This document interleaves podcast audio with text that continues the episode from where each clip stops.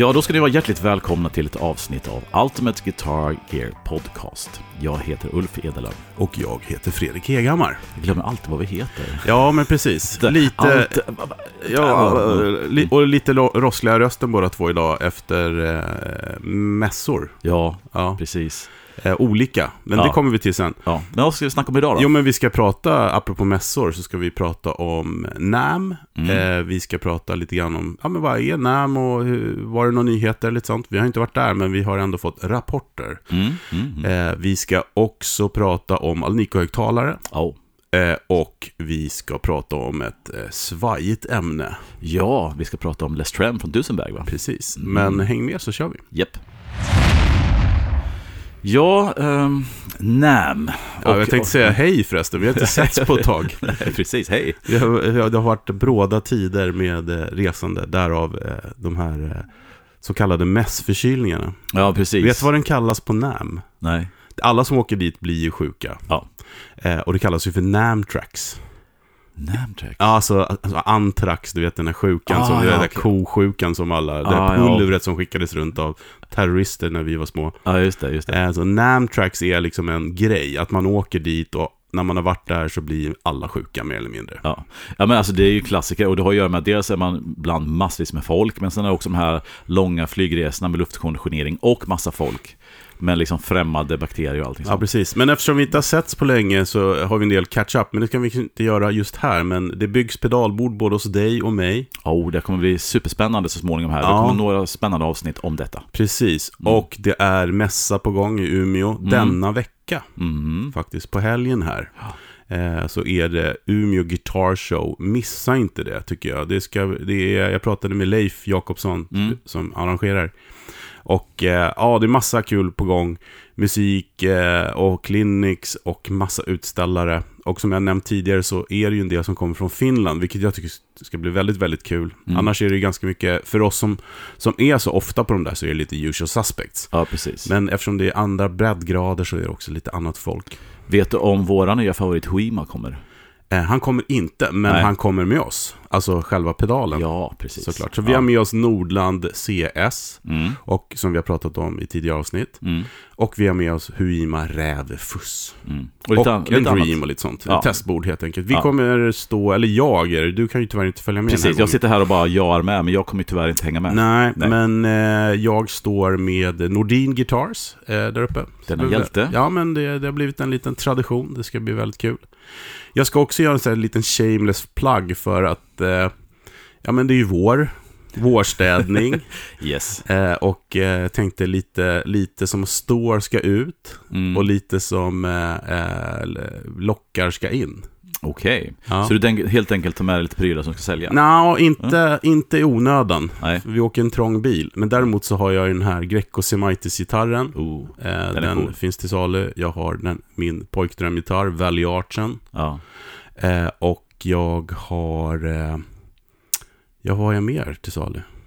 Lite pedaler säkert. Och sånt där. Nej, men Nej. kanske en... Kan, kanske penngitarren. Oh. Pentelen. Oh. Det är många som har ryckt i den, men det är ingen Ja. som har pengar. Men, eh, ja, men nu är någon som är sugen, så kolla in annonserna eh, och eh, hör av er helt enkelt. Ja, skrik till. Du tar Ja, inte med något onödan. Nej, nej, det gör jag inte. Nej, och jag nej. kommer inte hålla på och trycka heller. Men, men så ni vet, Ja. det finns lite grejer. Ja, coolt. Ehm, när Comet Constellation jag kvar också.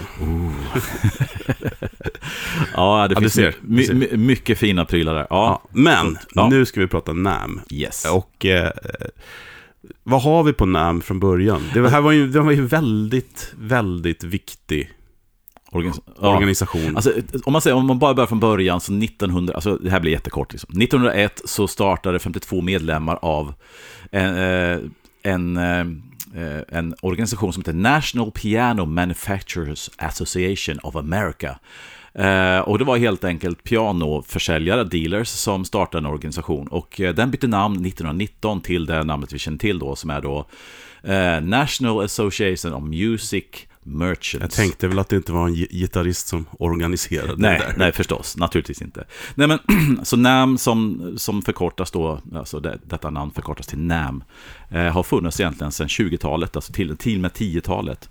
Eh, och det här är, alltså jag är ju uppvuxen som du och jag berättat så har vi vuxit upp med, du vet, Guitar Player och hela den här amerikanska gitarrkulturen liksom. Mm. Som vi fick mycket input från när vi var unga. Och NAM har ju hela, hela tiden funnits med där i bakgrunden därför att för varje år då så kom det då en NAM, ett NAM-reportage. Och nu på, i moderna tider har det varit två NAM-mässor. Det har ju varit liksom Winter NAM och Summer NAM. Mm. Och Winter NAM har ju då traditionen varit den stora. Men om jag inte minns helt fel på den här tiden, alltså längre tillbaka, Ja. så var det ett NAM och det var på sommaren. Ja, men det var väl så också att hade du inget nytt där, då fanns det inte liksom. Nej. Och intressant är när vi gjort lite research, till exempel inför det här ES-avsnittet förra veckan, så, så läste jag igenom lite, lite litteratur, här eh, Gibson-boken The Classical Year och sånt. Och då märker man, och eh, Ted McCarthy blev intervjuad, den klassiska killen som låg bakom många av de coola grejerna på 50-60-talet på Gibson. Och man förstår hur viktigt, för de tillbringar ett halvår, nästan efter jul, så tillbringar de väldigt mycket tid till att förbereda nya modeller som då skulle ha premiär på NAM. Så NAM, alltså hela den här marknadsföringsapparaten runt musikinstrument, framförallt i USA, cirkulerade väldigt mycket runt NAM, för att där skulle du visa upp dig. Liksom. Ja, och det här är ju då en branschmässa, så att det har ju inte varit öppet för publik, även om det har smitit med många publika. Exakt, det har funnits möjlighet att liksom tjuva till sig biljetter, men det är egentligen en bransch, alltså dealers, distributörer. Tills i år. Tills i år, ja. Precis. Mm. Nej, men så att när jag växte upp med NAM, så var, och det fanns alltid ett stort reportage, och det var alltid de coola grejerna. Ja, du vet, de här NAM-reportagen, Ja. Guitar Player var ju klassiker. Ja, Och, verkligen. och där dök de, de stora nyheterna upp, och ja, men du vet. Och sen så var, gjorde man ju ofta specialinstrument och grejer till NAM. Alltså, det här var som NAM-version, bla bla bla. Mm. Ja, så. men precis. Och alltid någon speciell färg eller någonting sånt. Plexiglaskabinett. Ja, men alltså du vet, alltså, eller Ja, något sånt. förgyllda chassin Ja. och sånt där bara för att visa upp något coolt på NAM-mässan då. Men eh, NAM har ju haft lite bakslag, eh, precis som alla mässor med eh, under eh, liksom pandemin, kan man Ja, säga. Inte så verkligen. konstigt. Mm. Men det är ju inte bara det heller, eh, utan det är ju också formatet. Mm. Eh, och det var väl ganska tydligt i år, tycker jag. Eh, nu ska jag säga så här, alla jag har pratat med, och det är ganska många som har varit där. Mm. Vi var ju inte där själva som jag sa, utan eh, vi- hade ju våra planer på att vi skulle åka till Nashville och sen kanske slinka in här på vägen hem, men det blev inte av i år. Mm. Eh, alla som har varit där tycker ju att Åh, vad härligt, vad fantastiskt, det var så kul att träffas allihopa igen, Mm. sånt, så att det är Mm. väldigt bra. Det var mycket mindre i år, Mm. men det var ju inte så mycket nyheter, för nyheterna läggs ju ut på sociala, alltså på nätet innan, det blir ju så. Det var ju inga så här, wow, här är den här. Nej, Det var de som inte hade hunnit kanske, men Ja. om du förstår vad jag menar. Ja. Nej, men det är den här news cyclen, alltså det här med att man, man håller på allt till NAM. Det håller på att spricka nu. Mm, precis. Men eh, en annan grej då som kännetecknar, för att det finns mycket debatter kring det, och vi ska gå in på det lite grann. Många säger att det där formatet är dött hit och dit. De som har varit där, som, det var det jag skulle säga, de säger att det är allt annat än dött. Men det är klart att det måste utvecklas, för att folk har inte råd hit och dit. Men man kan säga så här, ehm, det här med att det är dött, varför säger folk det? Jo, för att det var nästan inga stora leverantörer där alls. Och, och, Gibson var inte där, Fender var inte där. Det var den största, om man tänker sig så, då, som är stor men ändå ganska liten, var Martin. Liksom. Ja. En av de, en- den enda av de tre, fyra stora Ja, klassiska. Ibanez var ju där också i och för sig, men, Ja. men mer deras Men- custom shop. Men om man säger att det, man, man tänker alltid, det har alltid varit så, kanske lite mindre nu, men i princip alltid varit en stor amerikansk inhemsk mässa. Så att en av de tre stora, så att säga, klassiska är där, resten inte där. Men bara för att belysa lite grann så att eh, 2020, precis innan det slog till, eller det var 2019, jag kommer inte Mm. ihåg, så var det då 110 000 besökare. Det dök ner då till 2022 då, förra året, till 45 och är nu uppe på 65. Så att det är Mm. Nej, men det nästan- finns ett stort nästan- behov ja. av att ses, Ja. så är det ju. men, men det är ändå liksom hälften av vad det var innan pandemin. Och sen ska jag också säga att jag, jag upplever att hela mäss, det här med att ställa ut på mässor och sånt för stora och små tillverkare, det börjar ifrågasättas även långt innan pandemin. Pandemin var ju lite grann det här som fick den här spiken i kistan, eller att det dök ner. Och sen så får man ju se hur återhämtningen blir. Men det intressanta diskussionen är ju lite grann så här, varför ställer inte Fender Gibson ut? Vad tycker de är, varför gör de inte det här liksom? Nej, nej, ja. För för tio år sedan Okej. så var det en omöjlighet för dem att inte vara med. Jag, jag tänkte vi skulle sy ihop säcken med det här, men vi Ja, men börjar med, nej, men vi börjar ja, med det okej, istället, okej, eftersom vi är inne på det. För att Mm. grejen är så här att det, alltså jag, jag jobbar ju en del, har jobbat med kommunikation halva mitt liv. Det problemet är med NAM Show, som jag ser, det är så här, vem ställer de ut för? Mm. Eh, och nu öppnar de upp för allmänheten i år. Mm. Eh, och det tycker jag är väldigt, väldigt smart. För att nu är inte, man ställer inte ut för handlarna längre. Mm. Alltså det, då, förr var det det, handlarna gick dit, tittade på nyheter, de signade upp så jag vill ha 100 sådana, 50 sådana hit och Mm. dit. Mm. Det var ju liksom grosshandling. Mm. Det, det är inte så det går till längre. Nej. Alltså hela, hela liksom distributionskedjan är ju upp och ner, eh, hur man beställer saker, hur, hur konsumenten köper. Så att om man tänker sig då dit det barkar, Mm. att folk köper online, Mm. Då kommer ju en sån här mässa bli ännu viktigare för konsumenterna att gå och testa saker. Förstår vad jag menar? Ja, ja, och, och, och det, då hamnar man i ett resonemang runt det hela. Det här med att okej, vi behöver snart inte träffas längre, vi behöver inte ha affärer, vi köper allt på, på nätet. Och Nej, så- nej, nej, tvärtom. ja, vi ja. behöver träffas, men vi kanske inte behöver träffa distributörerna, för att det är Nej. inte där. Alltså, Mm. Liksom, vi, vi har ju all, jag vet inte om folk har hört det, men Lutman har gått konkurs. Det är ju helt tråkigt. En, Mm. en, en liksom stor, i Sverige då, som en dis, stor distributör. Mm. Och eh, Gibson har då gått till Al, Al, Algam? Jag tror Algam som fick då De som har Epiphone också. Epiphone, de fick Epiphone först och Al- Algam har ju även Marshall nu, så Algam Nordic har ju seglat upp som en så här äh, ja. liten äh, powerplayer på, Precis. på distributörsmarknaden i Sverige. Eh, och det chockade ju en del att Gibson valde dem i, istället för att för allt pekar på att Gibson kommer börja gå direkt istället. Ja, ja, de har ju bara två, tre andra ställen i världen som har en, en självständig distributör, de har inte gått direkt. Ja, och det är det jag menar då, om då Gibson, en sån stor spelare, skulle välja, välja att gå direkt, så kanske Fendi gör det, så kanske de gör det hit och dit. Då helt plötsligt så är det ju ingen mässa för distributörer längre, utan då, är det en helt, då behövs ju en mässa för konsumenter. Ja, och, och, eh, och det har du helt rätt i. Och, jag, och det är lite grann det här med musikaffärer kontra webbhandel och sånt. Att det finns ett behov att kolla grejer och träffas och allting sånt och ha den sociala biten i det hela. Men det kanske inte kan se ut exakt som det har gjort. Nej, exakt. Det är det som är liksom- och, och det är det här som händer när man liksom decentraliserar saker, när den här inbördes beundranklubben öppnas upp. Mm. För att den är liksom inte speciell längre. Nej, Utan det, är nästan så att de som inte är på NAM då, som det var förr, vet mer idag än de som är på NAM. Mm. Ja. Och då kan man tänka sig om du har då hälften, nästan hälften av besökarna i år mot vad det var innan pandemin och de har öppnat upp så allmänheten kommer, men de ändå inte når upp till mer än hälften. Tänk då om de inte hade släppt in allmänheten. Ja, fast, ja, fast jag, jag kan säga att jag hade inte en aning om att det var öppet för allmänheten. nej, jag tror inte de har varit Vi är ändå inne ganska djupt i den här branschen. Ja, Utan det var fortfarande så här, skulle vi åka så skulle vi i sådana fall eh, ha tagit rygg på Sound of Silence och skulle dit. Mm. Alltså förstår du? För att då Ja. man behöver ett företag för att få biljetter. ja men precis. Nej, och jag tror kanske de har liksom, att, att de har öppnat upp det har nog kanske varit lite grann så att de inte gått jätteofficiellt ut med det. Mm. Vilket de kanske borde ha gjort, kan man tycka. Ja, nej, men jag, jag, tycker att det, jag tycker att det är spännande. Jag, jag är ju för det här, så att säga. Jag är verkligen inte negativ till det. Jag tycker att det behövs. Men jag tycker att det är åt rätt riktning och öppna upp för konsumenterna. Sen är det ju så, alla som har varit på en sån här mässa, Mm. att det är ju det är ju mer nätverkande. Framförallt då hur det var tidigare. Det är ju Mm. mer nätverk och handel än liksom att testa instrument. Det går Ja. ju nästan inte. Det är ju helt... Nej, precis. Det, det var stökigt. Men, men så är det ju faktiskt. Det, har varit, det, alltså det, det, var ju, det är ju en businessmässa. Exakt. Medan de gångerna vi har varit där så har vi ju varit där för att testa grejer och kolla grejer. Men egentligen i grunden så är det att göra business liksom.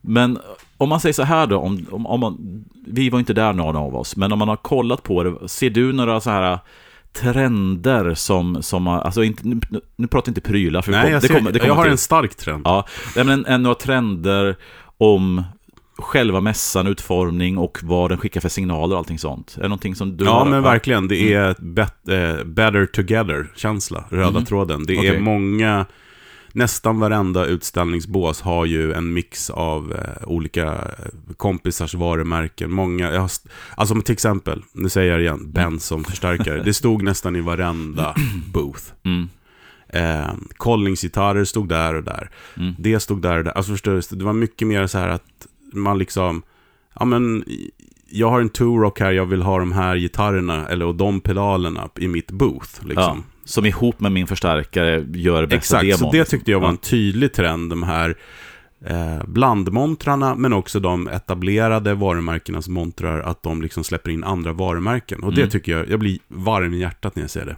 Mm, Att det här territoriet-tänket är borta. mm, mm. I alla fall, det var, det var min liksom röda tråd. Har, Ja, men- du, har du sett någon? eller? Ja, jag har några. Jag ska bara kommentera, och jag tror att det är liksom hela den här cottage-vibben runt butikgrejen som har smugit sig in kanske lite grann bland de större grejerna också. Och, eller å andra sidan som säger, det kanske var just de här lite mindre företagen som hade den här äh, grejen. En annan, en annan spaning jag har är ju att influencers har ju ett helt annan power. Oh, alltså ja. på en mässa där det nästan, ja, musiken har varit ett exotiskt inslag. Du har haft någon känd gitarrist som sitter i något booth och spelar, men det är inte det som har varit prylen. Men nu märker man att, alltså Mary Spender, Red Schall, Paul Davis, jag menar, ja. Rabea Massad fick en egen signaturmodell från Ernie Ball till ja, exempel. han var väldigt eh, eh, tongivande på den här närmässan. Ja, men precis. Och, så att, och det här är ju människor som... Det, menar, det var ingen kö vid Bootsy Collins längre. Nej. Han var inte ens där. Nej, precis. Nej, men grejen, jag, min, min spaning är ju att, att Rabea är ju en fantastisk gitarrist, men han har ju han har ju som många andra kommit, liksom lyckats få uppmärksamhet via sin YouTube-kanal och tester han gör utöver mm. den connection han har med säljer ganska bra med skivor också. Ja, ja, men precis. Men, jag menar, en sån liten underground-artist hade kanske för tio år sedan inte fått en egen signaturmodell om du så menar. Utan tack vare sin mm. internetnärvaro, YouTube-kanaler så har han blivit någon som en, ett relativt stort företag har fått ögonen på. Ja. Så att jag, det tyckte jag var liksom en sån trend. Sen är det lite roligt som till exempel Turok då, som jag har en liten spaning mm, där sen, mm. men eh, Joe Landret har ju fått en signaturförstärkare, de har mm. byggt 100x. Han var inte där. Varför var han inte det? För han behöver inte, för de är redan sålda. det är ju det som är grejen också. liksom, det, mm, mm. det... Ja, men det är tidens tand. Grejerna ja. är redan borta. Det är därför liksom, nu åker ja. vi till mässa och visar upp grejer som redan är sålda. Typ. Fast vet du vad, det där hade jag en diskussion om en kollega på mässan här med, med psykologin, det här blir en liten detour, men psykologin ja. runt utsålt. Ja. Därför att så fort man har sålt ut något, oavsett om det är ett gig eller någonting sånt, eller ett instrument, en ja. förstärkare, så gör man inte någon reklam om det. Utan, ja, den är utsåld och sen så när folk vill köpa eller komma in så säger man att tyvärr finns det inga biljetter. Mm. Men den psykologin är, gjorde egentligen var så att man gör en grej av det. Utsålt, ingen chans att få det. För vad händer då? Jo, när man då släpper nästa modell så tänker folk nu måste ja, jag vara på. Självklart, ja. självklart. Bara den här, men det var han, liten... han borde varit där fast ja, var utsålt egentligen. Nu kanske han var det, men mm. jag har plöjt eh, väldigt mycket videos från både högt och lågt kan jag säga. Och han läst väldigt mycket. Han var utklädd kanske, så. inkognito. Ja. ja. ja, någon mer spaning som du har? Äh, färg. Mm -hmm. Mycket färg. Ah, kul. Sparkle, färg, ta ut svängarna, former, färger och former tycker jag. Och det här har vi varit inne på förut, att det här med eh, en och det, det, det, har ju också att göra såklart med att de traditionella märkena inte var där. Ja, så, så kan det vara. Eh, utan det var, nu var det mera nyskapande och framåt. Och nu pratar, alltså grejen är så att, eh, nu pratar vi mest om gitarrdelande. Det är ju trummor och piano ja. och syntar och diskjockey-grejer och Men det är ju en gitarrpodd liksom, så att vi får Precis. landa Men på ja. gitarrvärlden, Eh, ja men mycket häftiga former, eh, nya coola märken som inte jag känner till. Mycket liksom, ja men vi har ju Ola Englunds liksom Solar och vi har, mm. Eh, det känner jag ju till, men jag menar alltså den typen av eh, varumärken, Chapman till exempel, kommer med Custom Shop eh, Liksom, mm. Eller det har man snackat om länge, att de ska göra sig i England och sådana grejer. Men... Jo, och sen, sen, tycker jag också att Strandberg har, ju varit sånt där underground med liksom fanfrets och konstiga former och huvudlöst. De börjar liksom kliva in i rampljuset lite grann och de hade ju en ascool travel-gitarr som heter Boden Meloria. Mm som såg supercool ut. Men, men jag håller med dig att, att trenden att och det kan vara det hela den här liksom butik-influensen som fyller det här lilla vakuumet när de stora drakarna mm. inte är där. Så kommer det in andra saker som är lite kanske intressantare än den gamla vanliga strata. Och ja, men de får ju mer plats. Plus ja. att de, mm. de här som vi pratar om oftast är ju förpassade ner i källaren. Den bästa våningen. Ja. Den var inte ens öppen i år. Nej, precis. Eh, för att det var en mycket mindre mässa. Men den coolaste montern eller kaxigaste ska jag säga, inte coolaste, ja. kaxigaste, det var ju Polly då. De som mm. gör Bibo och Flatfee. Det. Mm. det var en jättemonter med ett stativ i mitten med en Bibo och en Flatfee. Ja, det var det. Det var bara det. Ja, coolt. Det är liksom, ja, de fick en stor monter ganska bra. Bra pris. Eh, jag vet inte, men det var ganska kaxigt eh, ja. ändå tycker jag. Apropå mm. den grejen måste jag bara säga. Eh, mm. våra vänner uppe i Hudiksvall, Bluebox Guitar, Fredrik och Glenn. Ja. Eh, de hade ju en väldigt kul grej som var här nu i, i veckan. Eh, Joe Bonamassa var här och spelade och, och Josh Smith då, då har vi nämnt honom ja, också. Ben då, bara, då är det bara Eddie Van Halen kvar Ja, här. precis, precis. Eh, eh, nej men han eh, har ju fått sin eh, Bluebox-gitarr. Ja, just det.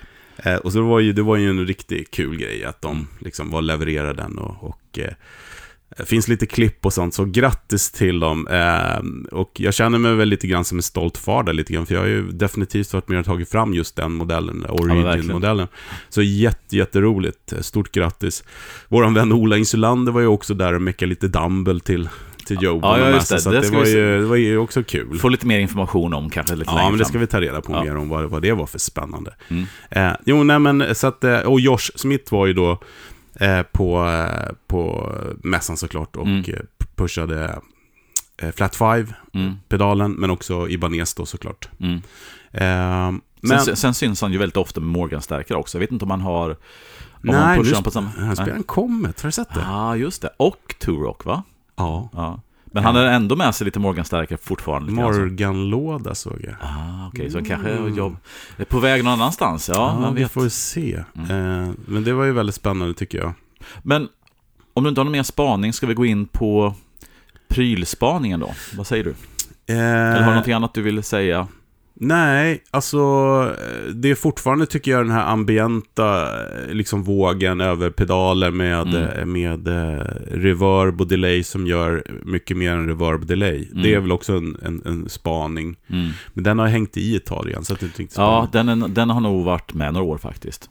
Men, vi kan väl hoppa in på lite prylar då som vi har Ja. liksom suttit och sett och kanske suktat på eller väntat på eller sånt. Alltså, en spaning just när det gäller prylar tycker jag är att det är inget om man säger så här, det har inte varit något paradigmskifte. Att det har inte varit så här att oj, nu dyker upp en camper som rör om eller något annat sätt att se på, utan det har varit lite, det känns lite grann som att det är gamla säkra kort som på något sätt har fått nytt liv, alternativt har blivit lite ompaketerat sånt. Men det har inte, eller håller du med mig att det, det var ingen så här wow, det här var nyskapande, alltså som, som var den stora snackisen. För det känns som att den stora snackisen på gitarrsidan var egentligen en Binson. Precis, exakt. Vi ska, vi ska komma in på det. Men det Ja. känns bara som att man återuppväckt en gammal klassisk design. Lite grann som att, ja, vet, eller så är det Mm. vi också som tittar lite dit. Jo, en, en sån där grej som faktiskt var, det är ju den här, den här som har rört om hela, hela världen. Eh, den här eh, Tone X, vad heter den? Från LT Musical, eller vad heter de där pedalerna? JK Multimedia va? Ja, men den, Eller IK. Ja, den, den, Mm. eh, den här eh, pedalen som man kan då, alltså som är typ som en camper. Mm. Du kan profilera starkare och sådana saker. Ja, just det. Åh. Den, den kom med en annan unit, så du kan liksom använda datorn. Eh, det var ju lite... Ah, okej. det, Mm. vi, vi, jag kollade inte jättenoga med den, men jag har förstått eftersom all, all liksom media som jag har konsumerat kring det här så har det varit en av höjdpunkterna. Okej. Men det är ändå en, okej, det är en ompaketering av en redan Nej, det är en, en ny, eh, det är ett, eh, en, eh, ett, en, vad ska man säga, en, ett tillbehör. Okej. Ja. Ni som lyssnar som har bättre koll på det här än vad jag har kan ju kanske fylla Men i- vi ska i. försöka få tag på en sån här test. Mm. Vi, måste ju, vi, vi måste göra det här modelleringsavsnittet. Ja. Det, finns, det, Ja. det, är spänn, det finns saker som kliar där lite faktiskt. Ja, exakt. Nej, Eh. men okej, ska vi, ska, ja men då så, ska vi helt enkelt ta T-Rex nya... Ja, men börja med den du. Ja, Kör den. Ja, och, ja, det är ju alltså T-Rex då har ju under ganska många år eh, att dels hade de ju sitt liksom band-eko, det här lilla, jag kommer inte ihåg vad det heter, men de har också hintat om att de skulle komma med ett, ett riktigt Ecorec. Jag menar, Ecorec-pedaler har ju funnits nu, Just det får de inte säga. nej, fast den kallas ju Ecorec. Det står väl Ecorec på Nej, den? det gör inte det. Ecorec är, är ju Kathleen Bread som äger. Aha, okej. Däremot så har ju då T-Rex köpt Binson. Ja, det är bin som det står, Mm. inte Ecorec. Okej. Nej, Men i alla fall, det har ju funnits pedaler, det har funnits riktigt, riktigt bra pedaler som gör det här fler, eh, fler huvudgrejen liksom. Och, eh, men det har ju inte funnits någon, alltså som fullton som gjorde ett riktigt, riktigt bandeko. Eh, det har inte funnits någon som gör den här magnetskivegrejen med tonhuven som går emot sånt. För det är Alltså det är att göra ett bandeko är svårt, att göra det här typ ännu svårare. Men de har ju visat den här liksom prototypen under många år och nu då i år så kom då till slut den här Binson Ja men verkligen, verkligen. Och det är ju en... eh, Gjort by the book liksom. Ja men precis. Och teknologin är ju mycket är ju, alltså man måste ju gilla soundet såklart, för det låter ju inte som ett bandeko. Mm. Det låter, det har ett eget sound. Ja. Men, men det är ju mera underhållsfritt på så sätt. Ja, det, ja, är en inget, det är inget tejp som du behöver byta, utan Nej, du måste precis. göra rent det där huvudet hit och dit. Men, men Ja. det är liksom, det är ett me mekaniskt, det är ett metallhuvud som man spelar in på istället för eh, band. Ja, alltså det är, en, det är en metallskiva som snurrar och sen har du då liksom tonhuvorna som går mot en metallskiva istället för, för ett band då. Mm. Så det är samma grundteknologi, eller tänk med olika tonhuvuden som ligger på olika distans runt den här skivan för att få olika delaylängder och sånt. Och sen får de här flerstudsarna och allting sånt där. Men, men, men eh, jag hörde lite, att du vet, så här mässklipp på den. och Mm. Det, det låter coolt. Jag skulle verkligen vilja höra och känna på det mer. Och vi kommer få möjlighet att Ja, göra men det så precis, jag tänkte säga. Vi Ja. har ju, eh, Fitzpatrick ska ju förse oss med ett. Ja. Det har vi redan pratat om, så Ja. det ska bli väldigt kul. Ja, och, och eh, som man kan då kan tänka sig med tanke på att det här är gjort precis, eller väldigt likt som det gamla, så kommer det här vara dyrt. Jag tror det kommer att kosta runt 23 000 spänn. Ja, Ut till kund. eh, precis, jag tror, Mm. tyckte jag såg 20, men... Eh, Ja, det är höjt till 20, runt 23. Om man Okej. så. Ja. Men... Eh, 23 000 kronor är väldigt mycket pengar. Mm. Det är inte det. Mm. Men eh, ett, ett Benson får du nog punga ut det dubbla för. Nu. Binson. Näst, äh, förlåt. Freudiansk felsägning. Ja, även Benson. Nej, men Binson menar jag. ja, alltså ja. ett riktigt. Ja, ja, precis. Eh, så att, eh, Och, sen, och det ska, är gammalt och ska underhållas och fixas. Så att, ja. Nej, men jag, jag tror att det kommer inte bli en storsäljare, men jag tror att de kommer sälja en hel del ganska snabbt till de som verkligen vill ha det här. Ja, och det här är ett perfekt eh, eko att ha i studion också. Liksom så. Ja, för Kanske att... inte på pedalbordet. Nej, exakt vad jag skulle Mm. säga. Jag skulle inte sätta den där på pedalbordet, även om det, den har en footswitch på sig. Ja. Om det här är något som står uppe på starken i sådana fall. Ja, för att ha det här en pedalbord som slängs runt, det tror jag inte den mår speciellt bra av. Nej, men cool är den. Ja, supercool Eh, faktiskt. och, med tanke på hur konstruktionen är gjord, det var det jag skulle säga, så är 23 000 ingenting. Nej, alltså, alltså, alltså, det är, alltså det är gjort på riktigt och gjort på det gamla sättet. Även om det, alltså jag Ja, tror men att det är så säkert- mycket me- mekanik Ja, precis. Det är motorer, det är tonhuven och allting sånt. Så att jag menar, och alltså man ska bara hatten av för att någon överhuvudtaget har orkat och, och haft det har ju tagit lång tid för dem, alltså de har åtta år eller någonting för att Ja. utveckla det. Och jag menar att ha den eh, staminan och bara, vi kör, det ska bli färdigt. Mm. Så, eh, nej, men hatten av, verkligen. Så jag tycker att det var en av de stora grejerna och egentligen är det bara en reproduktion av något gammalt. Men ändå liksom värt att ha lite grann så här fokus på från mässan. jag. Verkligen. Mm. Ehm, Har ja, du någonting? Ja, jag har Mm. massor Ja, här. Eh, men jag plockade ett axplock där. Eh, jag sa ju det här med Benson, eh, stod ju, det starka stod ju nästan varenda Mm. Eh, butik. Eh, booth, eh, inga nya starkare. Men däremot några pedaler, men ska Mm. komma till. Eh, men eh, Turok kom med en ny stark, förutom då Joe Landret-signaturen, right. för 123 000 kronor.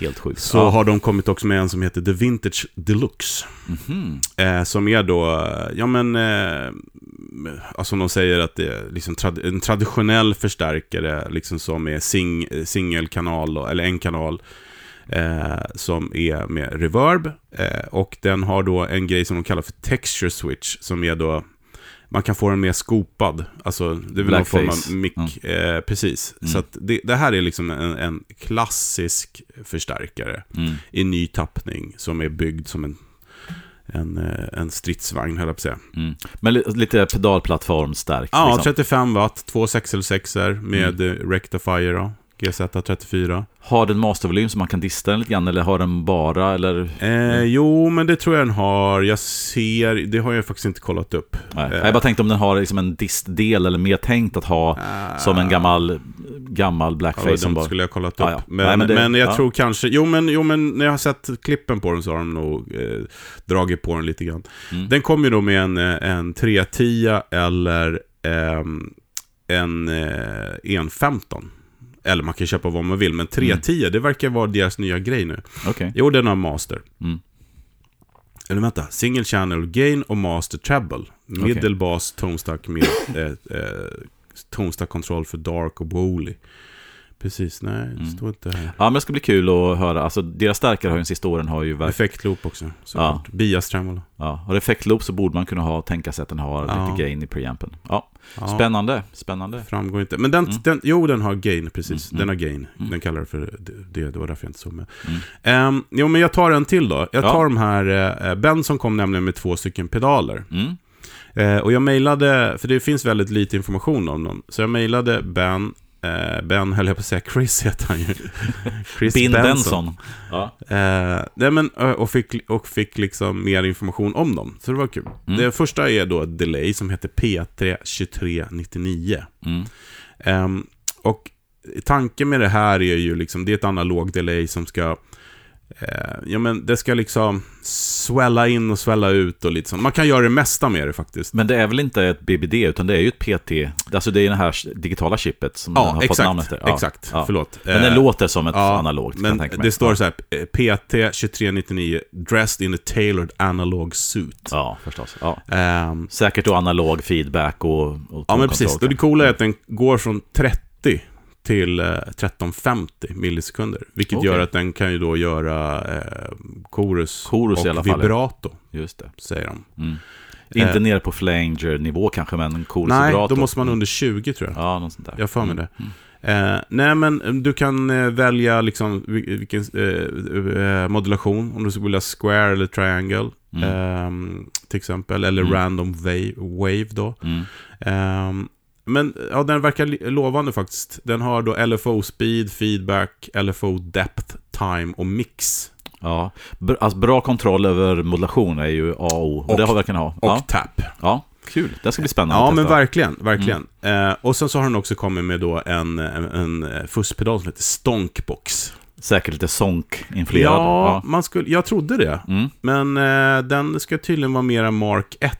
Alltså Tonebender Tonen. Mark 1. Ah, okej. Och den Mm. bygger på deras den här eh, um, Thermally Bay, Bayas Just det. function. Där inte värmen påverkar. Precis. Den här har Mm. dock inte, om jag har fattat det rätt, eh, har inte den här mikrofonsimuleringen. Mhm. Som eh, de andra fussarna har. Okej. Som man numera kan stänga av. All right. vad, vad innebär det då? Att den, att den, lyssnar, den känner av eh, ingångsnivåer och impedans och sånt eller? Ja, den simulerar en mikrofon. Vilket då du ställer in, precis som istället för att du vrider ner på gitarren så kan du vrida ner på fussen. Ah, okej. Någon sån form av ingångskänslighet eller någonting sånt där? precis. Ah, ja, impedans. Liksom. Ja, och right. vilket gör att du kan sätta den överallt i kedjan. Mm. Det är det som är grejen. För annars måste du ha den först för att få den effekten. Ja, just det. Så att den är lite okänsliga mot kanske buffrar och sånt Ja. där också. Ja, spännande. Eh, ja, men precis. Den har då eh, trim då som är den här grejen. Filter och tone och volume. Mm.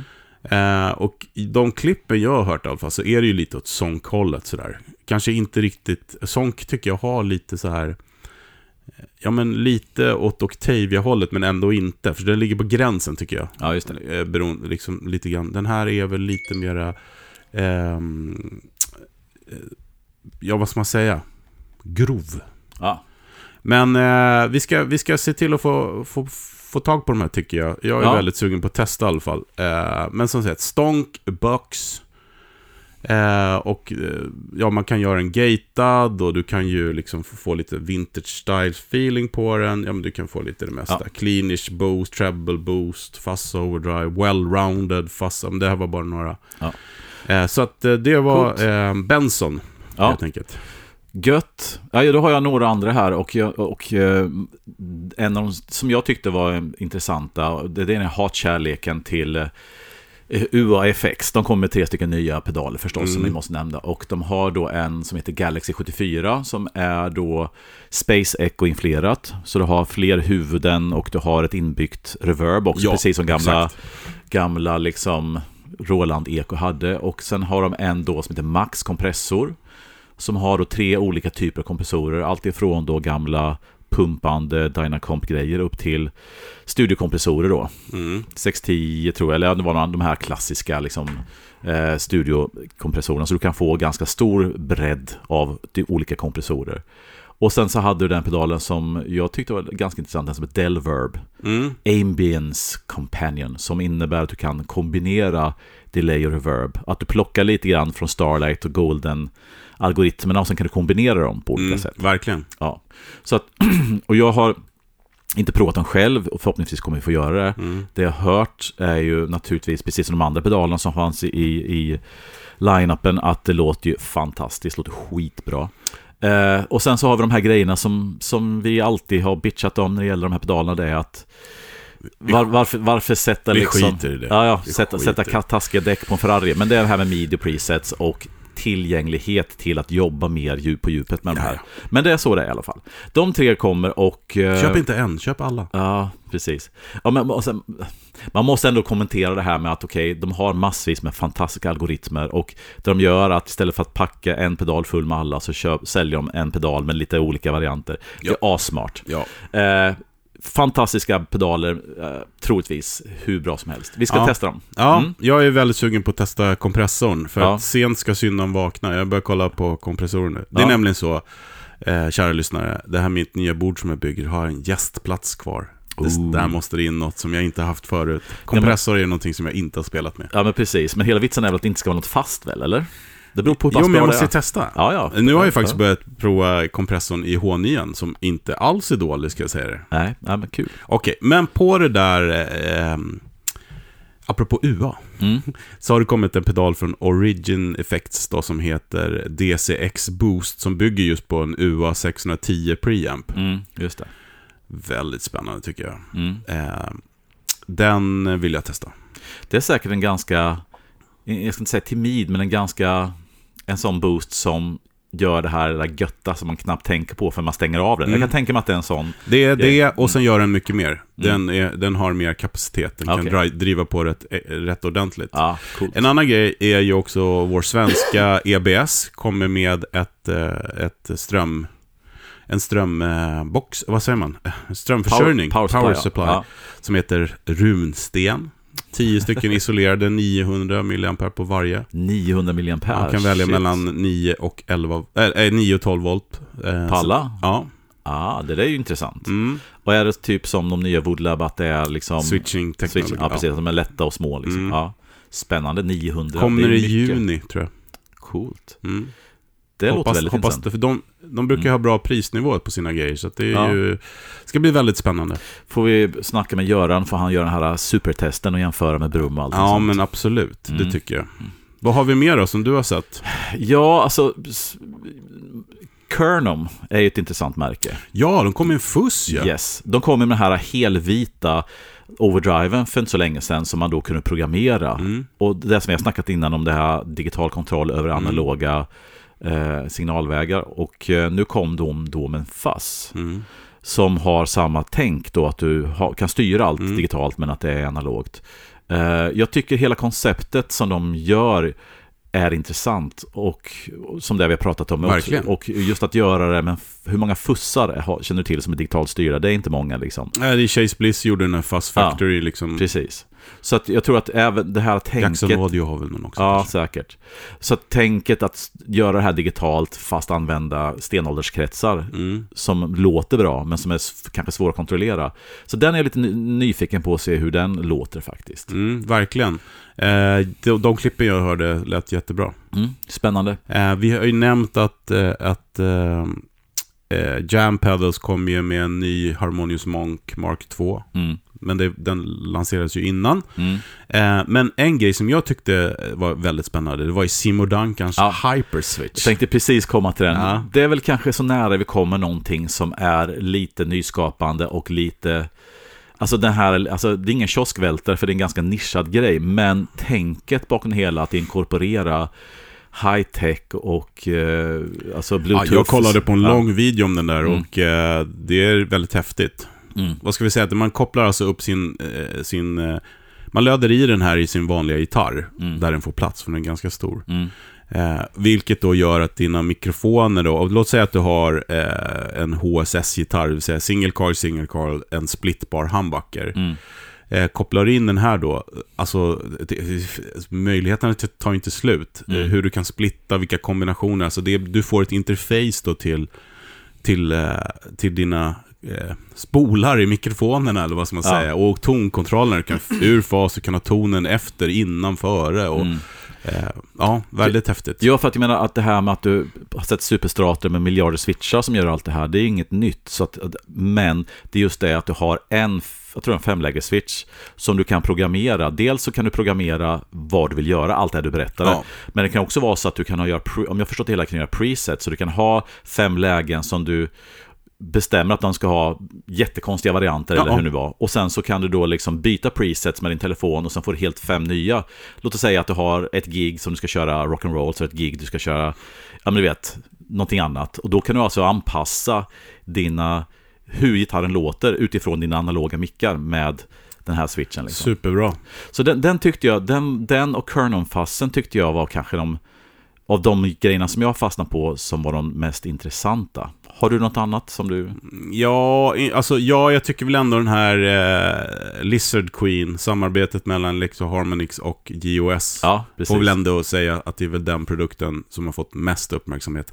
Lanserades också innan NAM, Ja. men eh, den... Eh, Fast ja, ja men, och, och jag, jag tycker om tänket och just hur, hur JHS har klivit in och, och sådär. Men om man ska hårdra det så är det egentligen en, en ompaketerad fuss på något sätt, är det inte det? ja, ja, men, Ja. men det är ändå kul hur de har gjort Ja, det. och precis, de gjorde grund- ju liksom de första... eh, Det fanns ju en batch med sådana här stora folded... Mm.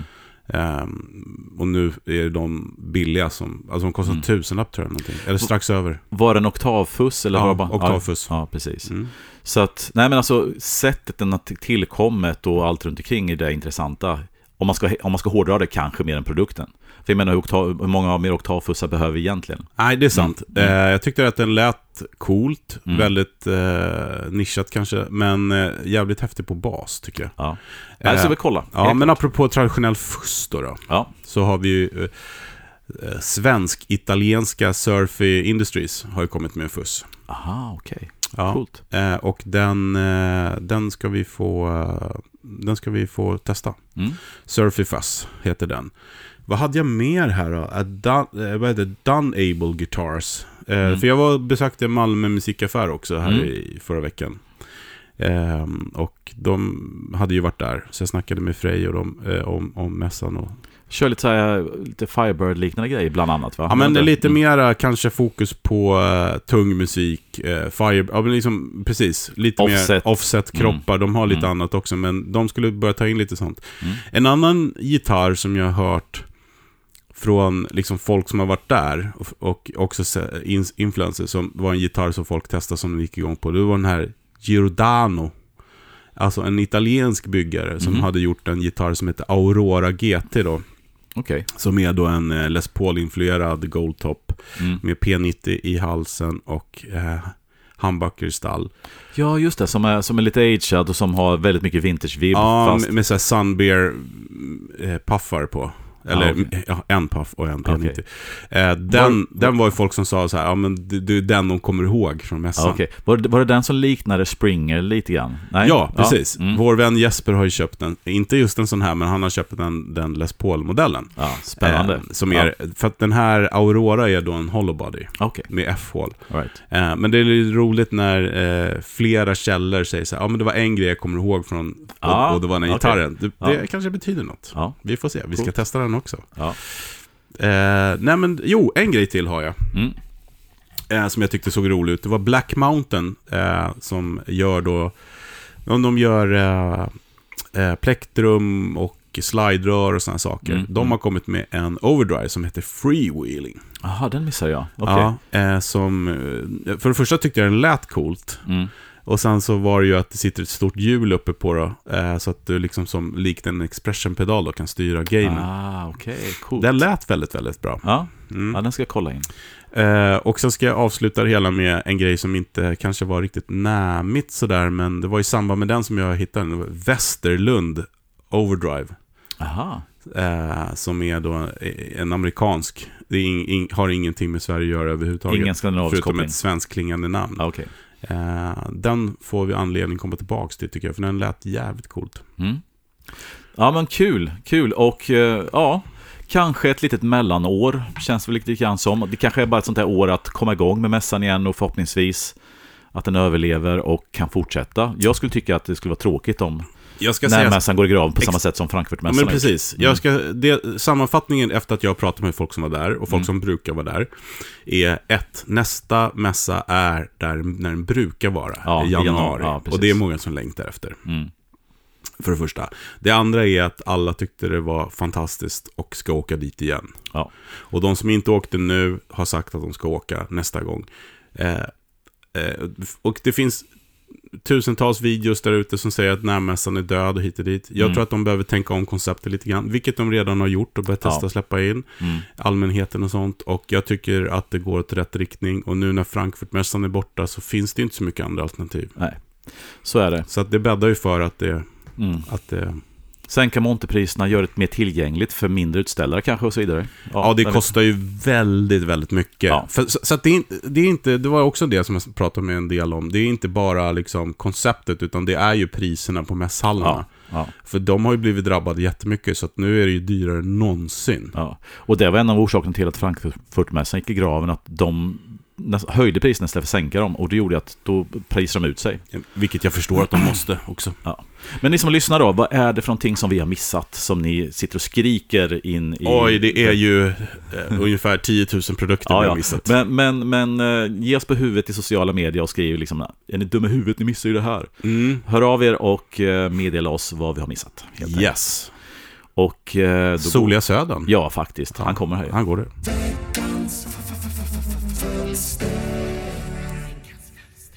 Yes box, då kör vi. Veckans tema är Alnico-högtalare. Alnico syftar på magnettypen i högtalaren, där Alnico står för aluminium, nickel och kobolt. Några av byggstenarna i den här magnettypen. Eh, Alnico var standardtypen av högtalare fram till tidigt mitten 60-tal. Då började priset på Alnico-magneter sticka iväg samtidigt som tekniken med keramiska magneter gjort framsteg. Så successivt fasades Alnico ut och de mer ekonomiskt gångbara keramiska högtalarna in. Undantag finns såklart. Jag tänker till exempel på Vox AC30 som är så intimt förknippad med Alnico-högtalare. Eh, och jag tror att de kommer det ja, kanske hela 70-talet också. Alltså en, en bra bit senare än många andra bytte över till keramiska magneter. Nu för tiden lever ju keramiska och Alnico-högtalare ihop på marknaden. Eh, och ska vi slänga in den relativt nya lättviktstypen som kallas neodynium, tror jag. Eh, eller brukar ju förkortas bara neo. Eh, som är då en annan typ av magnet som väger mycket mindre. Kan vara smidigt. Eh, men Alnico är ju fortfarande dyrt. Inte sällan är ett, en högtalarelement dubbelt så dyrt som ett motsvarande keramiskt. Eh, skulle jag gissa så skulle jag tro att minst 90% av alla högtalare i gitarrförstärkare är keramiska. Men Alnico finns kvar av en anledning. De har ju ett annat sound och beter sig lite annorlunda. Eh, det är ingenting som är bättre eller sämre, men de är olika. Jag blev medveten om Alnico-högtalare ganska tidigt. Jag kom in på gitarr via The Edge. Eh, och då är det väldigt mycket fokus på AC30 och då ska det vara med två stycken 15 watt Celestion Alnico. Det är en viktig beståndsdel i soundet och det är en stärkare som jag låg och drömde om på nätterna. Eh, lönen från sommarjobbet räckte inte riktigt till en sån. Istället blev det en AC15 med en keramisk Orfdale-högtalare som Vox körde med ett tag. Jag tyckte den lät toppen. Eh, musikaffärens Voxar med blå Alnico-element lät också toppen och hade ett välbekant glitter som jag saknade i min. Så min uppfattning blev att Alnico var slutmålet och en överlägsen högtalare. Speciellt för mig som gillar glitter. Och då tänkte jag automatiskt också att man fick mer topp. Eh, också det att Alnico var dyrare, lite mer premium. Och i mitt huvud fanns det säkert också en koppling till gitarrmikrofoner där man också snackar om Alnico-magneter. Och att Alnico-magneter generellt sett är inom citationstecken, bättre och mer vintage-korrekt och att keramiska mikrofoner är förpassade till metal, high gain och billiga Fender-kopior. Döm om min förvåning när jag flera år senare började testa runt och gräva ner mig i högtalardjungeln. Jag hade då uppgraderat till en Alnico-högtalare i min box och vant mig vid det fantastiska soundet. Och sen så testade jag, det är någon, någon variant av G12H som är en keramisk, alltså eh, G12H är en greenback med stora magneten. Eh, och jag blev liksom paff av hur mycket tydligare den var. Mer topp, stabilare botten, rappare högtalare, öppnare. Mycket av de kvaliteterna som jag trodde i mitt huvud att jag fick med Alnikon eh, fanns ju ännu mer i den keramiska. Det var, det var en ögonöppnare och en öronöppnare kanske man kan säga också. Eh, och sedan dess har jag faktiskt föredragit keramiska magneter. För tydligheten och punchen och toppen känns lite mer det känns som att man får tillbaka det som man stoppar in på ett annat sätt. Men eh, Alnico-högtalare har ett lite intressantare sound. Med den här midden och glittret och kompressionen om man spelar på lite hårdare. Och det, det har sin plats den med. Det är lite beroende på, hö- på förstärkare såklart också, vad den passar till och så vidare. Jag har till exempel i min sort-kombo eh, ett Alnico-element. För jag tyckte att det blev lite hårt med ett eh, keramiskt. Och då passade, passade det väldigt bra med ett Alnico-element istället. I det här fallet då en, en Alnico Cream från Celestion. Och jag har testat igenom massa olika eh, keramiska i den, men jag tyckte att, att den, eh, den, ja, men det limmade rätt med ett Alnico. Ja, eh, Fredrik Uffe då? Kan inte ni riffa lite på Alnico-högtalare? Eh, gill, gillar ni det? Ja, det är ju en bra start. Var gillar ni det någonstans? I vilka typer av förstärkare? Och liksom, vad har ni för erfarenheter, favoriter i Alnico-djungeln? Ja, och ni som lyssnar, samma grej där. Vad är er inställning till Alnico-högtalare? Är det någonting som ni vill ha i era förstärkare eller är det mer som en, en lite udda krydda som man kan ha i vissa, vissa sammanhang? Vi kan väl diskutera det på sociala medier. Vi finns ju på YouTube, Podbean, Facebook, Instagram. De vanliga ställena. Ja, vi hörs väl där. Och så hörs vi nästa vecka. Hej på er! Ja, tack Fölster. Det här var ju, ja men det här är kul tycker jag. Det här är ju liksom, eh, som sagt, det är en grej som, är, jag ska inte säga att jag nördat på det, men jag har ändå haft liksom Jo, många det har du väl. Ja, men lite grann så. Ja. Alnico-högtalare va? Ja, men precis. Mm, Eh, jag kan ju börja med min relation. Jag Mm. gillar dem inte alls förut. Mm. Eh, eh, jag, eller jag så här, jag gillar inte att spela på dem. Nej, okej. Jag gillar att lyssna på dem. För att det är ju massa klassiska sound som jag älskar. Vox Ja, ja. till exempel. Ja. Tweedar. Ehm, ja men eh, gamla Marshalls liksom. Mm, mm, Det finns ju hur många ljud som helst. Men för mig så blir de för svampiga. mm. Och sen så när då... Eh, och, då- och då pratar jag om alltså silver eh, och blue. De blue. klassiska Ja, 15 wattarna, precis. ja. ja. Mm. De här tidiga eh, Marshall-elementen gillar jag dock, dock bättre. ja.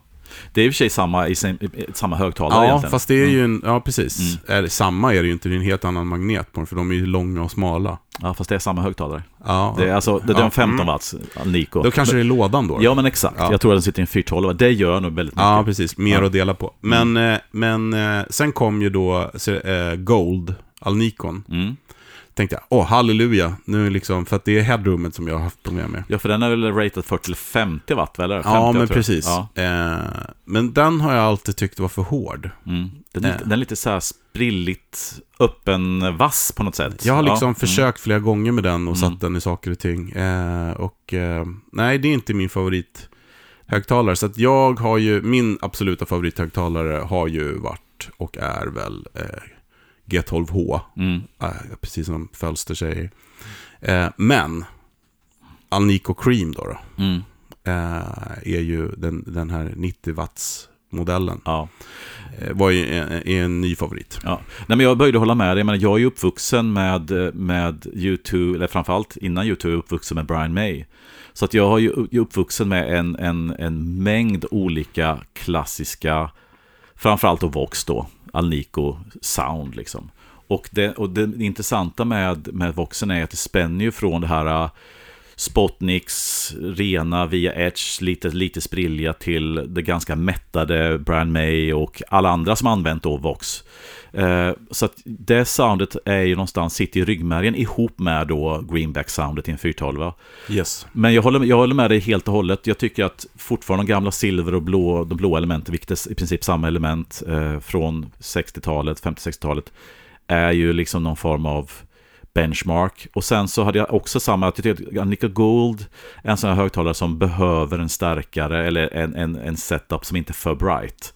Så Ja. det blir, kan bli kaka på kaka med den. Men Alnica Cream är ju kanske en av min, kanske den, min största favorithögtalare nu, för jag tycker att den har det här äh, vokala, konstiga men ändå coola midrangen Mm. liksom. Men den har lite mindre, av- den har inte den här lite vassa toppen som Golden har, den är lite mer beslöjad. Men sen har den ändå ganska mycket botten, vilket de här 15 wattarna kan vara lite, de kan vara lite tunna liksom. Ja, verkligen. De har ju det här midrangen som, som, som eh, förlåter allt. Men jag tycker att Nico Cream har mycket, en del av de grejerna som jag gillar med keramiska högtalare utan att tappa själva Nico-karaktären. Och då tycker jag, det är liksom ett perfekt happy medium.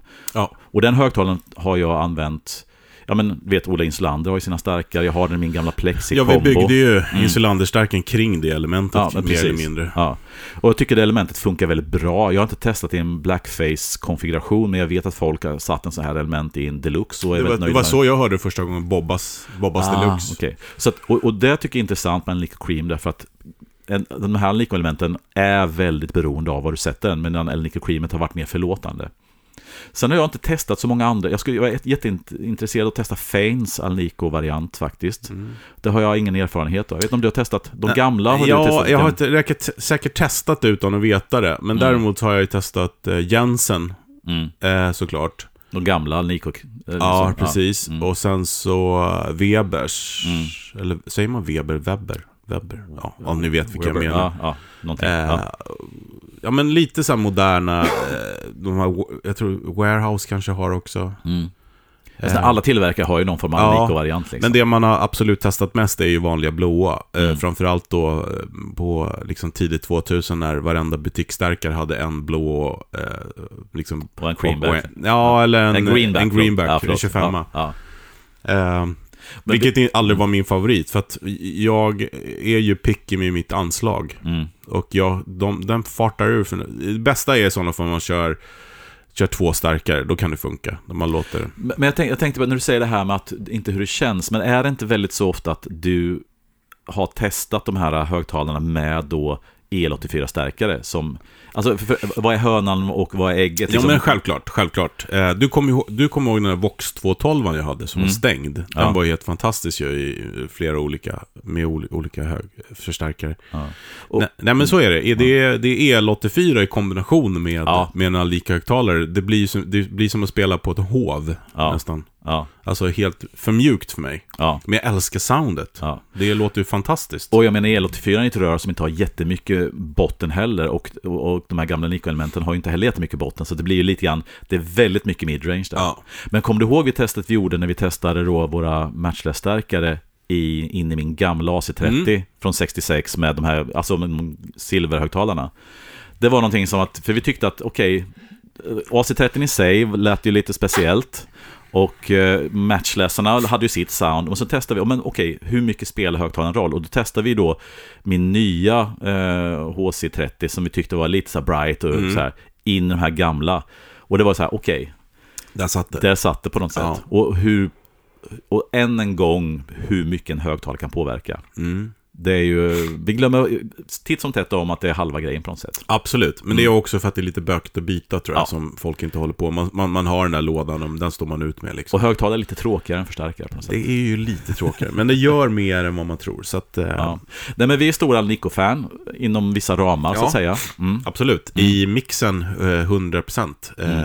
Det är väl live framförallt som jag tycker att den inte, den, de, fem, de lågvattnarna inte håller ihop riktigt för mig. Nej, men de, de har ju inte riktigt det här headroomet. Och, och än en gång, det är det som är Nico Cream, att ha ett högvattselement som ändå har en Nico-karaktär. Ja. Det är coolt. Helt fantastiskt. Ja. Lite för dyrt bara, men Ja, ni som lyssnar vad är, har, precis som följts frågor efter här, har vi, vi har ju bara egentligen pratat Celestion nu i princip nästan, så att kom med era förslag på vad vi borde testa när det gäller Alnico-strutar. mm. för att uppnå det optimala Ja. konfetti-diskanten. Ja, det här är att man alltid strävar efter. Men du, Eller, om vi säger, eh, om vi säger bjong bjong då? Ja, då kommer bjong, bjong. Ja, precis.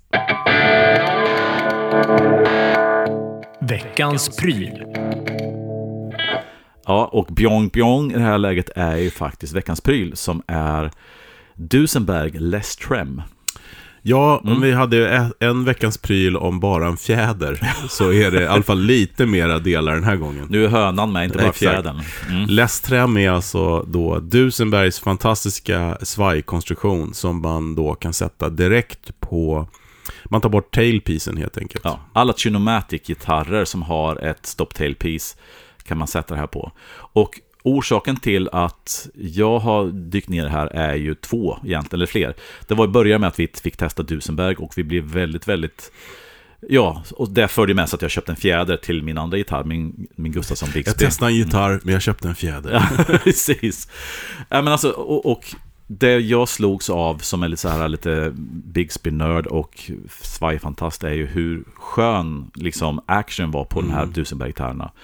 Och till viss del, till stor del var ju fjädern. Men sen tänkte jag så att jag har ju min Les Paul som jag har lite grann så här, jag, jag har till och med funderat på att sätta på ett Bixby på den, men det kan jag inte riktigt göra. Så tänkte jag, okej, okay, då ska jag testa det här. Jag kan testa ett svaj som då gör det här utan att man behöver borra hål och göra konstiga saker med den. Så att jag bara plockade bort eh, stop tail-piecet. Eh, det var på millimetern att det skulle passa, men vi var tvungna att fila lite grann för att det är nog bara så att, att den här Les Paulen kanske var någon millimeter fel. Liksom, så att, men det var nästan drop-in. Och sen satte jag dit den och jag tycker att det har blivit väldigt bra. Det som jag tycker är bra med den är att det låter väldigt bra. Jag tycker mm. inte att jag, för en del säger jag sätter på ett svaj eller någonting sånt så tappar ton och sånt. Jag tyckte inte att jag tappar. Jag fick ett annat, en liten annan karaktär, men den karaktären det blev mm. uppskattar jag mer faktiskt. Ja, men jag har ju kört det länge på min eh, Nordin-gitarr. Mm. Och apropå det så, ni som äh, åker till Umeå Guitar Show äh, kan ju testa den. För där sitter en sån här på den. Ja, precis. Den, jag har med den. Ja.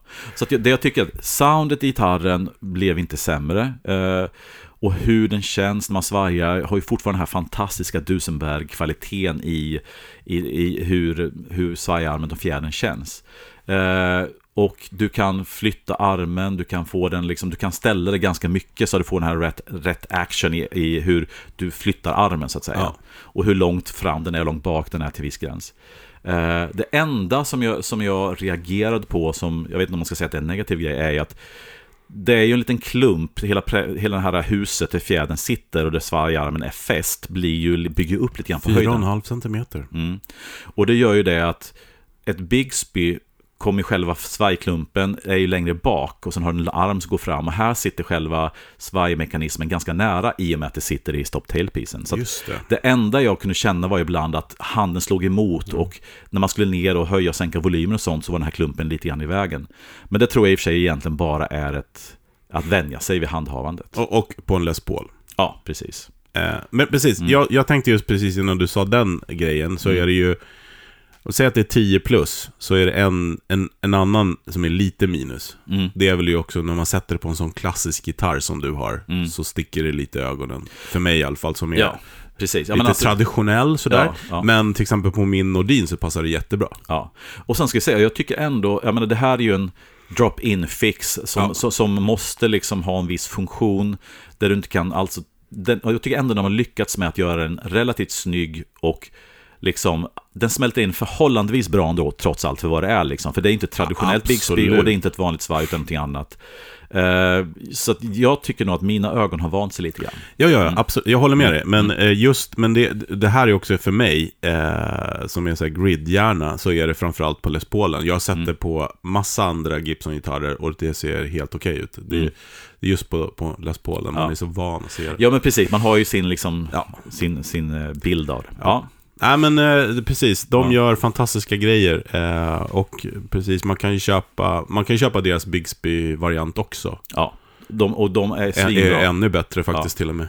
Och men det är inte dyrt, jag tror att den här ligger på 13-1400 spänn någonstans, det här LS5. Så att Uh, ja, men helt klart. Ja, du byter ju inte mellan låtarna, men du kan ju byta mellan gig. Ja, så. ja men verkligen. För att det, det, är så himla lätt att sätta av och på. Du följer med skruvar och brickor och, mm. så, och det finns instruktioner så att du inte skadar lacken och sådana saker. Ja. Utan det är verkligen plug and play. Ja. Nu var just vi, men det, du har ju en liten special där också, så att det, det, det, var liksom, det ska vara standard, verkligen mått. Ja, det ska vara drop-in. Ja.